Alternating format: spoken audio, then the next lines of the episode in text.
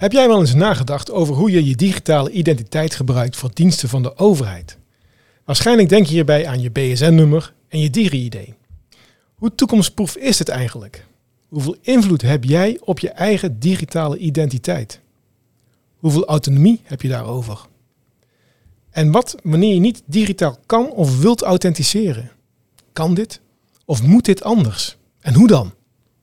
Ja, Twan, de vraag kan het ook anders? Is wel waarop we enorm zijn uitgedaagd door onze gasten vandaag aan tafel. Uh, het was af en toe in de voorbereiding was het verwarrend en verschurend en, en schuurde het. Dat wij echt dachten van, maar waar zijn we aan begonnen? Ja, dat klopt. Dat kun je wel zeggen, ja. Maar het is ook een erg interessant onderwerp. Hè. Het is niet een traditioneel IT-onderwerp.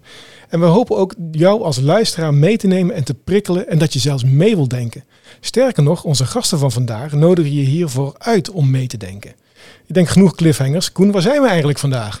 Vandaag zijn we bij de ICTU in Den Haag, op locatie. Voor de luisteraars die de ICTU niet kennen, dit is een advies- en projectorganisatie binnen de overheid. Die werkt vanuit de overtuiging dat ICT de overheid vooruit helpt bij maatschappelijke vraagstukken. Een heel belangrijk onderwerp waar we het vandaag over gaan willen hebben, is over de autonomie om jezelf te vertegenwoordigen in een digitale wereld. We noemen dit ook wel self-sovereign identity. Mooi, mooi woord. We vinden het heel normaal dat de overheid geen sleutel heeft van je voordeur. Maar hoe werkt dat in de digitale wereld? Wie heeft eigenlijk de sleutel van jouw DigiD of BSN-nummer? En hoe zorg je dat je geen mensen uitsluit? Om hier een goed beeld van te krijgen, is de ICTU met SAP en het Digitale Ecosysteem Instituut, dat is ook zo'n interessante, niet alledaagse partij, want zij benaderen het samenwerken vanuit het idee dat nieuwe ontwikkelingen ontstaan binnen een ecosysteem van bedrijven, instituties en maatschappelijke bewegingen. Randvoorwaardelijk wanneer je geen mensen wilt buitensluiten. Heel interessant, Koen. En ook wel ingewikkeld. Vandaag gaan we een moment meekijken met onze gasten die een reis van verkenning een paar jaar geleden al gestart zijn. En eindelijk nog niet weten waar ze uit gaan komen. Jowette de Jager en Steven Gort, vrijdenkers en onze gasten vandaag in deze aflevering denken na over hoe wij bij het afnemen van diensten niet meteen al onze privacygevoelige data aan instanties moeten geven, maar hoe wij de regels naar onze data kunnen brengen. En niet andersom zoals nu gebruikelijk is. In een eerste fase van hun project kijken ze hoe ze dit technologisch mogelijk kunnen maken, zodat technologie geen obstakel meer is. Om ook te voorkomen dat computer says no. Ja, Twan, zo had ik er nog nooit over nagedacht. Wij zijn toch wat van die ja, technologie-adepten. En daarom ben ik heel blij dat wij uh, mensen hebben zoals Joetta en Steven. Uh, die nadenken vanuit een ander perspectief dan, uh, dan dat wij dat doen. Ehm, laten we maar snel naar onze gasten gaan. Ehm, en laten we even een stukje meegaan op hun reis. Welkom bij Business Innovatie met SAP. Business Innovatie met SAP behandelt echte ervaringen. Wat is de achtergrond, het gewenste resultaat en welke technologie is gekozen en waarom? En dat binnen 29 minuten. Je kunt je abonneren op onze podcast, zodat je op de hoogte blijft van business innovatie met SAP, met hosts Koen Sandering en Twan van den Broek. Hey Twan, van wie was die stem? Ik herken er helemaal niet. Ja, die ken je niet. Hè? Dat was onze digitale assistente Lisa. We passen ook innovatie toe op onze eigen podcast. Dus we hebben een AI-assistent die onze teksten inspreekt. Nog niet bedenkt overigens. Oh, nou ja, dat, dat is in ieder geval heel fijn. Nou, het was even een introductie, maar welkom Joette en Steven. Um, wij vragen onze gasten om een getal van betekenis mee te nemen. Dit getal kan van alles zijn. Wij nemen het getal 29 mee. Dat is namelijk de duur van deze podcast. Die staat ook zelf in de sterren geschreven. Uh, welk getal hebben jullie meegenomen? Vraag 1. Het getal van. Joetta. Ja, nou ja, omdat Steven uh, niet zo'n zin had om een getal mee te nemen, heb ik er maar twee meegenomen. Heel goed, oh, dankjewel. En uh, om te beginnen met een nul. Uh, in de digitale wereld zijn we heel goed bekend met nullen en enen. En ja, niet iedereen weet dat de nul ook een niet alleen een wiskundig concept is, maar ook een filosofisch concept. De nul staat voor de leegte. Het domein waar uh, alle oneindige mogelijkheden ook weer verschijnen. En dat is ook de band met de acht. Uh, op zijn kant uh, is dat het symbool voor oneindigheid, infinity. Vandaar de 0 en de 8. En die leegte is interessant. Eh, het filosofische concept daarachter is shunyata. eh, Mhm. Uit de Indiase filosofie. En eh, daar kan opnieuw eh, creatie ontstaan. Waarom? Wat gebeurt er in die leegte? Eh, decompositie, creatieve destructie en eh, het ontdekken van mogelijke nieuwe vormen. En dat is in feite wat wij doen. Ja, en die leegte die is wel enorm belangrijk voor jullie uitdaging. Mag Ja. ik dat nog aanvullen? Ja, zeker. Uiteraard, Steven. Want die leegte is wel eh, aardig eh, in, een, in een eenvoudige benadering zoals ik die zelf eh, hanteer. Want als je snapt wat een rechtsstaat vermag, Mhm. dus de rechtsverhouding als inwoner met de overheid. En je begrijpt wat nieuwe technologie aan mogelijkheden biedt. En je mag het opnieuw uitvinden. Hoe ziet het er dan uit? Het is die leegte die wij proberen dus op een andere manier in te vullen. Dat is mooi. Hè? Op basis van ervaringen uit het verleden gewoon een nieuwe toekomst, een nieuwe oplossingen bedenken, opnieuw uitzoeken op basis van de ervaringen.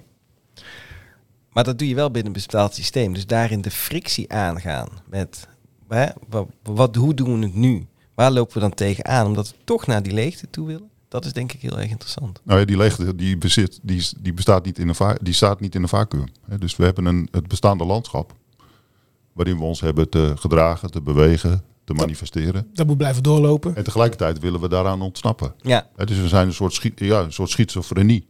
Die enerzijds eh, eh, zeg maar, eh, compatible zijn met het bestaande landschap. Maar tegelijkertijd ook de bereidwilligheid tonen om daaruit te stappen. En ja, met, met alle risico van dien eh, een andere werkelijkheid te proberen neer te zetten. en dat is wel een mooi brugje naar onze eerste vraag van. Wat is jullie uitdaging? Business innovatie met SAP. Vraag 2. Wat is jullie uitdaging? Want als je kijkt naar het huidige landschap van digitale identiteit, wat ik dan als leek daaraan denk, is dan denk ik aan het DigiD en het BSN-nummer. En dat is wat, wat we nu hebben, wat nu eh, functioneert, wa- waarmee wij ons authenticeren bij de overheid als wij diensten willen afnemen. Alleen voldoet dit dan niet? Wa- Is, is hier de autonomie dan niet geborgd? Wat hebben we daarvan geleerd? Wat, wat, wat, Nou, wat wat we bijvoorbeeld zien bij het BSN-nummer, dat krijg je toegekend eh, als je geboren wordt eh, en dan ben je inwoner van Nederland en je bent belastingplichtig. En dat nummer, dat wordt je één keer gegeven en dat verandert niet. Dus daar zit gewoon een risico in dat als dat ontvreemd is en gebruikt wordt voor identiteitsfraude, dat je daar eh, behoorlijk wat schade van kunt ondervinden. In feite is dat een ontwerpfout. Ik denk dat maar weinig mensen daarbij stilstaan. Ja. ja. Ontwerpfout in het systeem. Ja, want als ik soms zie met wat voor gemak mensen hun paspoort afgeven waar je BSN-nummer op staat, dan, dan, en dan je weet dit, dan, dan schrik je daar toch wel, eh, toch wel van. Hoe, hoe zou je dat dan beter kunnen beschermen? Als je, om, te, om te voorkomen dat het afgenomen wordt of dat, het, eh, dat er fraude wordt gepleegd met jouw BSN-nummer. Kan dat in, het huidige, in de huidige omgeving?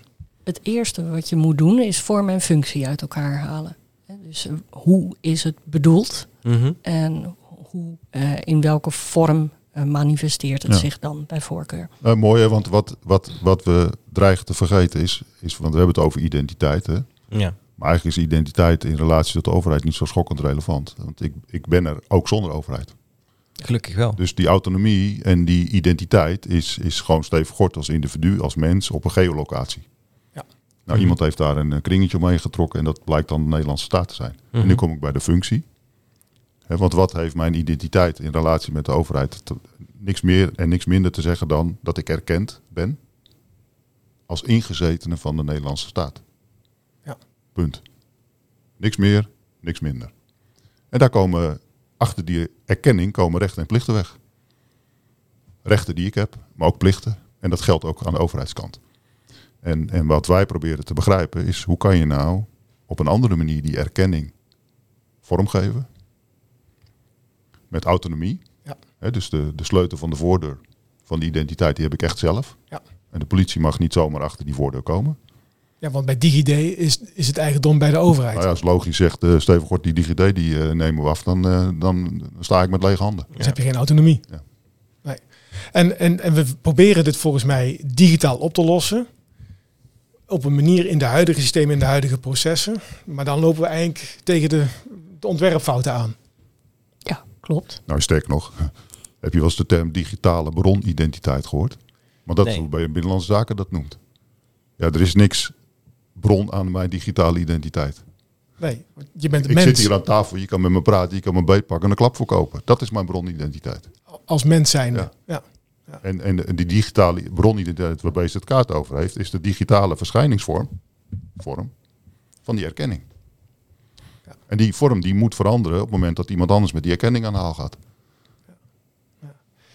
Ja, ehm, het, het is een complexe materie en, en, en we hebben maar 29 minuten. Ik denk dat we een, een minder complex kunnen gaan maken als we naar een concrete use case gaan. En dus dat zou ik graag ehm, met jullie willen doen, naar een concrete casus kunnen gaan in vraag 3. Vraag 3. Wat wil je realiseren? Want de use case die jullie hebben opgepakt is zorgeloos vastgoed. Nou heb ik zelf net een nieuw huis gekocht en dit is alles behalve zorgeloos. Je moet je continu je gegevens aan allerlei partijen doorgeven op verschillende manieren. De ene wil het digitaal, de ander wil dat ik een pdf-document uitprint en invul. En dat zijn makelaars, de hypotheekverstrekker, de notaris van de verkoper, zo, nou de, zo, de notaris van de koper, de makelaar van de koper. Nou, allerlei partijen. En allemaal controleren ze, naar mijn idee, hetzelfde. Of ik ik ben en of ik iets mag doen. Steven, de case zorgeloos vastgoed, kun je daar wat meer over vertellen? Nou ja, wat we proberen te doen is eigenlijk eh, waar het notariaat onderweg is om eigenlijk de probleemanalyse en, en, eh, en de verbinding op zeg maar, de toets van al die wettelijke kaders, om die met Mhm. al die ketenpartners eh, vooruit te helpen. Dus wat wij proberen bij te dragen is als we die analyse van die wettelijke kaders nu zijn regelspecificaties uitdrukken. En we kunnen met de technologie daar een, eh, een service van maken waarin je gewoon met digitale gegevens, hè, je, dus zeg maar de integriteit en authenticiteit van jouw data, en die mag je nog best met DigiD ophalen. Ik bedoel, DigiD is geen fout product op, op, op dat aspect. Dus in die zin hanteren we. En dan terug naar die backwards compatible, het bestaande landschap. Dus DigiD levert mij gewoon die data op. Nou, dat is een bestaande, bestaande functie met vorm. En die proberen we te toetsen in het gebruik van nou ja, webservices. Die eigenlijk voor 60% van de doelgroep die een huis koopt, dat frictieloos kan, eh, kan automatiseren. Dan heb ik niet meer te maken met al die pdf'jes en toestanden zoals ik nu heb. Maar dan heb ik gewoon services waarin Ja. de, de, de wetten worden omgezet in regels, in een, in een rules engine. En ik heb ergens mijn identiteit en die kunnen dan met elkaar praten. Dus de overheid heeft eigenlijk een, eh, een, een- twee functies. Hè. Het is een stempelbedrijf voor enerzijds de integriteit, authenticiteit van data. Dus met welke attributen kan je jezelf vertegenwoordigen? Inkomen, eh huisartssamenstelling, woonplaats, eh, geboortedatum, al dat soort zaken.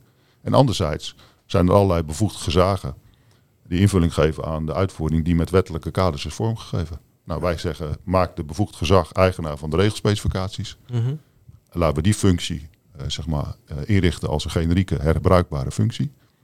Zodat je met je digitale eh, data op basis van die door de overheid verzegelde regelservices eigenlijk gewoon die bewijsvoering kunt doen.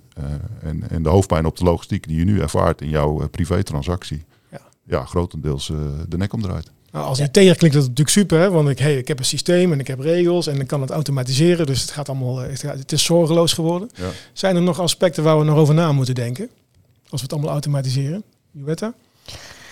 Ja, dat denk ik wel. Eh, aspecten van eh, wat nu dan frictieloos kan. Eh, het risico als iemand op een knop drukt die niet eh, helemaal eh, zich realiseert wat daar het gevolg van is. Hè. Eh, Het voorbeeld wat jij noemde, Steven. Eh, kijk, wat, wat er aan de hand is, is dat wij willen aantonen dat je met technologie vrijheidsgraden kunt introduceren. Mhm. En dat je vanuit gebruikersperspectief belemmeringen kunt toevoegen. Ja. En dat draait om. Want Ja. nu is de belemmering de computer die niet functioneert of het, eh, of het dossier wat niet klopt. Hè. Dus het is altijd een proces ge- zeg maar, georiënteerde belemmering. En als je kantelt, dan kan je dus, en dat is onze uitdaging, hoe kan ik nou frictieloos, zeg maar even het, het foute term, straight-through processing doen Ja. Mhm. voor 60%. En hoe voorkom ik dan dat, zeg maar, nou ja, bij wijze van spreken, mijn dreigende, dementerende ouder eh, ja, op een achternaamiddag aan de keukentafel een transactie doet die eigenlijk niet had eh, gemogen. Ja. En dan ga je eigenlijk weer de mens centraal stellen in plaats van dat je het proces leidend gaat maken. Ja. Die is natuurlijk heel erg interessant. Nou ja, als ik bij de notaris aankom eh, met mijn eh, zeg maar wallet, die door eh, Europa over twee jaar wordt uitgereikt, Mhm. wil ik nog steeds dat ik die portemonnee of die, die wallet in mijn, in mijn broekzak hou en dat ik op papier ook geholpen word. Ja. Wat is de wallet? Zo'n eh, smartphone ding waar de gegevens op Oké. staan. Die je nu Ja. van Logisch krijgt. Hè? De gegevens-app van Logisch, maar dan eh, die je ook kunt gebruiken. Oké, Dat is eigenlijk de beurs waar je digitale identiteit in zit, van. Kijk. Dat Maar- is de, de DigiD, maar dan van mezelf. Waar jij zelf de sleutel van hebt en niet meer de overheid. Mijn eigen identiteit in een wallet. Ja, exact, exact. Ehm, en dit is denk ik ook wel een mooi bruggetje naar, naar, goed, naar, naar, naar het technologische aspect. Ja, laten we naar vraag 4 gaan. Vraag 4. Welke technologie is gekozen? Ja, Steven, welke technologie hebben jullie eh, gekozen? Nou, het is verrassend dat je dat zegt, want die, die technologie die bestaat eigenlijk nog niet goed. En die zijn we ook een beetje aan het ontdekken. Hè? Dus we Mhm. hebben twee takken van sport te realiseren. Hoe kom ik van de wet, letterlijk de wettekst die je op wetten.overheid.nl vindt, Ja. naar regelspecificaties die een computer Mhm. begrijpt. En, en alleen dat al is denk ik al En zonder dat er een programmeur nodig is die die wettekst gaat interpreteren. Ja. Want programmeurs zijn geen juristen. Nee. Nou, dus hoe, hoe loop ik dat gat dicht? Dus die wetsanalyse, nou, er zijn allerlei eh, zeg maar promotieonderzoeken op, eh, op gedaan. Mhm. Allerlei methodieken op onderweg. Mhm. Ehm, we zijn binnen ICTE met een programma Persoonlijke Regelingassistent, waarin men met eh Flint-interpretaties bezig is. Wij gebruiken de, de. Flintinterpretatie? Dat is een manier om wetteksten te interpreteren in een ondubbelzinnige wijze. Oké. Maar ook eh, een methode die Belastingdienst ontwikkeld heeft. Mhm. Eh, eh, ALEF, regelspraak. Nou, kortom, al die methodes die zijn we eigenlijk aan het beproeven. Mhm. En een van die methodes hebben we nu gebruikt om een regelspecificatie te maken op een set van de zorgeloos vastgoedregels. Op de use In bijvoorbeeld in Ja. een, eh, in een eh, vrij traditionele beslistabel, Camunda. Wat Als rules eh, engine. Ja, decisioning, modeling, naming. Ik ben even kwijt waar die afkorting voor staat. Maar een, een, een bestaande technologie en standaard op uh. Ja. Waar je gewoon met een informatievraag kunt komen en een uitslag terugkrijgt. Een rules engine. Ja, Correct. ja. En eh rules engine die, die wij natuurlijk ook hebben, maar die hebben we nog niet gebruikt. Hè. Dus dat, eh, die hebben een om andere, andere keuze gemaakt. Maar dat is ook de hele zoektocht naar welke technologie past op de use case. Of de use cases moet ik zeggen, want er zijn er meerdere die jullie aan het verkennen zijn. Nou ja, het is ook een beetje begrijpen. We hadden het in het begin over de vormen en de functies scheiden. Kijk, ja. eh, de vorm waarin SAP eh, vastgoedtransacties eh, eh, ondersteunt is met een eh, module in, eh, in jullie systeem. Cloud for real estate. Ja. real correct. estate. Ja. En jullie bewegen richting een propositie wat je Business Technology Platform noemt, geloof ik. Ja. Mhm. Nou, wij willen kijken of we de functies van eh, de overheid in, in, het, in dat technologieplatform plek kunnen geven. Ja, maar dan, dat is precies wat, wat SAP doet. Hè. SAP heeft natuurlijk functionele oplossingen, zoals Cloud for Real Estate. En Business Technology Platform is, is een platform, technologisch platform, wat eigen oplossingen mogelijk maakt, maar geen oplossingen van SAP als modules in zitten. En daarmee zitten de bouwstenen waar je iets nieuws mee kunt maken. Ja, maar hiermee voorkom je ook wel de, de aluit bekende eh, technologie lock-in. Natuurlijk zul je die altijd op een zekere hoogte hebben. Maar doordat je die vorm en die functionaliteit gaat scheiden, kun je als overheid veel beter zeggen van weet je, de partijen die zo'n rule engine aanbieden, die wil ik graag gebruiken. En daar ben je als provincie, gemeente of rijksoverheid dan, dan vrij in. Ja, het, we hebben nu allerlei regels bedacht eh, om eh, zeg maar hè, vanuit de wet, markt en overheid hoe we de markt kunnen reguleren en eerlijke mededinging eh, kunnen borgen. Dat gaat wellicht eh, ook een, een andere mogelijkheid en vorm krijgen in het nieuwe domein. We proberen de, de, zeg maar de interpretatie van, eh, van wettelijke kaders, en dat kan ook lokale zeg maar, eh, verordeningen zijn, naar eh, door de computer uitvoerbare regelspecificaties. Dat proberen we tot het publieke domein eh, te brengen, letterlijk. Ja. Regels.overheid zijn we aan het bouwen in een, in een poging om die regelspecificaties die je in een computer kan stoppen, in een openbare bibliotheek te stoppen. En daarmee kan elke leverancier op zijn eigen zeg maar, technologiepropositie ja, laten zien hoe die uitvoering kan geven aan die regels. Want die regels zijn voor iedereen hetzelfde. Want het is gewoon een boek wat je van de plank trekt. Ja, dus je stelt eigenlijk een service, hè, technische term, je stelt een service ter beschikking die een privaat of een publieke partij kan aanroepen om de transactie te valideren. Of, Nou ja, je- zegt het regelboek leg je op de plank en je zorgt dat, eh, dat iedereen het kan lezen. Ja. Ja. ja. Ja, Wat want je had het over lock, ja, sorry, je had het over een, een vendor lock-in. Hè? En dat is natuurlijk als je, wat je als overheid wilt voorkomen. Hoe, wat, hoe gaan jullie dan daarmee om in deze v- ontdekkingsfase? Ja, het, het is open voor iedereen om deel te nemen. En dat is ook de reden waarom we die regels open publiceren. Eh, als overheid eh, hebben we te maken niet alleen. Het, eh, de markt maakt producten voor specifieke doelgroepen. Hè. Als je bedrijven hebt, dan heb je een businessmodel en je richt je, je focust je op bepaalde doelgroepen. Ja. Dat is nu eenmaal zo. Alleen als overheid hebben we die luxe niet. Mhm. We moeten zorgen voor een digitale samenleving die voor iedereen toegang biedt tot rechten eh, en tot plichten. Niemand uitsluiten. Niemand uitsluiten. nee. Het is een leuke analogie als ik even kort mag. Ik weet niet of binnen 29 minuten pas, maar ik ga het toch proberen. Eh, Kijk, je kunt heel makkelijk van bank wisselen. Ja, we dus hebben die nog 7,5 minuten. Dan heb je een beetje een idee. Financiële transacties, eh, autoriteit financiële markt, de Nederlandse bank, die doet toezicht. Hè? Ja. Eh, en ik heb nu een Spaanse bank voor mijn boodschappen. No problem. Dus dat is heel, heel, heel, heel, heel vanzelfsprekend. Nou, wij willen eigenlijk hetzelfde faciliteren. Eh, waarbij, zeg maar, Binnenlandse Zaken, noem het maar even, de openbaar bestuurnorm eh, Mhm. doet. En we een openbare bibliotheek hebben. eh, waarin je straks net zo makkelijk van, eh, van dienstverlening kunt, eh, kunt, eh, kunt wisselen voor het verkrijgen van een parkeervergunning. En je niet per se bij je eigen gemeente langs hoeft te gaan. Ja. Omdat Ja, het centraal de regels en de kennis vast ligt. Maar d- dit raakt namelijk ook aan, aan, aan samenwerken. Ehm, en waar ik wel erg gefascineerd ben, hè, jullie, jullie willen naar die, naar die leegte, hè, wat jij ook zei, dat getal nul, daar willen jullie naartoe. Maar jullie hebben wel samen te werken met partijen als een SAP en het Digitale Ecosysteem Instituut. Die bestaan in, in de huidige wereld. Hè. Er bestaat geen vacuüm, zoals Steven dat zegt. Ehm, hoe, hoe, hoe gaat dat? Waar, waar lopen jullie Is tegenaan? dat vraag 5, Koen? Ja, dat is vraag 5. Business innovatie met SAP. Vraag 5. Hoe verliep de samenwerking? Ik wil toch een beetje aan het proces vasthouden. Hè? Heel goed, man. Heel goed, man. Joetta, want je, je stond op punt om wat te vertellen. Ja, nou ja, ik zit hier uit te kijken op een prachtig strand, eh, op een eh, foto op Ja, precies. Ja, helaas is, helaas de foto. hè? Ja. En eh, ja, ik moet denken aan, ja, dit is gewoon een reis. En eh, niet zomaar één, het is een ontdekkingsreis met de nodige eh, obstakels en onzekerheden. Eh, er was ooit een tijd dat we dachten dat de wereld plat was. En als je maar ver genoeg naar het westen ging, dan zou je er vanaf kunnen vallen.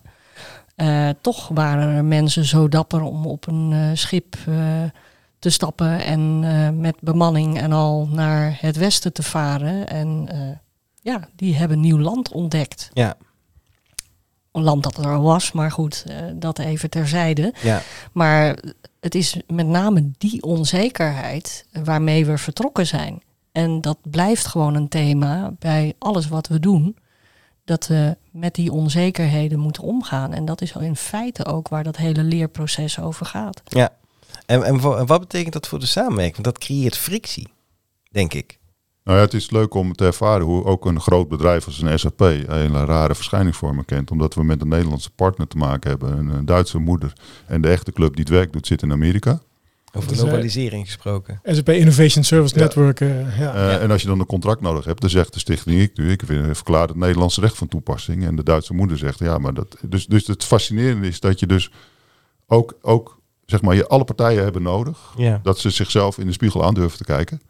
En eigenlijk ook een beetje de rariteit van de, de, de, de toestand eh, onder ogen te zien. Ehm, en tegelijkertijd accepteren dat, eh, dat de dingen zijn zoals ze zijn. Dus we hebben een jaar gedaan om de handtekening onder een contract te krijgen. Nou prima, dan moet je die jaar dus uitzitten. Ja. En nu zitten we met een gesloten gitomgeving van de SAP... waar je met je ingewikkelde SharePoint-account wel of niet bij kan. Ja. Eh, wat wat mij betreft voor de fase 2 geen relevante constructie is. Ja. Maar we hebben voor deze eerste fase wel succesvol die route gedaan. ja. Je loopt ook echt tegen dingen aan tijdens die reis, tijdens die route. En, en, en die neem je dan weer mee als leerpunten voor het vervolg. Kijk, het goede nieuws is als je op weerstand loopt, dan zit je goed. ja. Ja, dan Ja. weet je. Ja.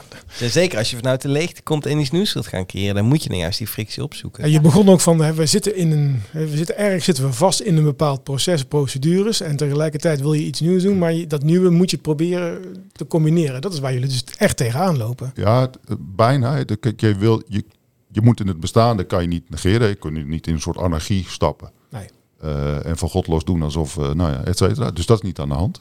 Maar je moet wel begrijpen dat de nieuwe werkelijkheid die je creëert niet teruglandt in het oude. Ja. Dus, dus het is echt eh, eh, ja, opnieuw ontwerpen. Ja. En misschien ook wel, ik zeg wel eens, met een nieuwe generatie aan het werken. Hè? Want die BSN is aan mij al uitgedeeld. Dus mijn generatie is al verloren wat dat betreft. Ja, ja, ja. En, en, en- Hij wordt ja, nog steeds uitgedeeld volgens ja. mij. En dat geldt ook voor onze generatie. Maar dat maakt het, eh, let je op dan, dat maakt het resultaat ook een beetje moeilijk te vatten. Vraag 6. Wat is het resultaat?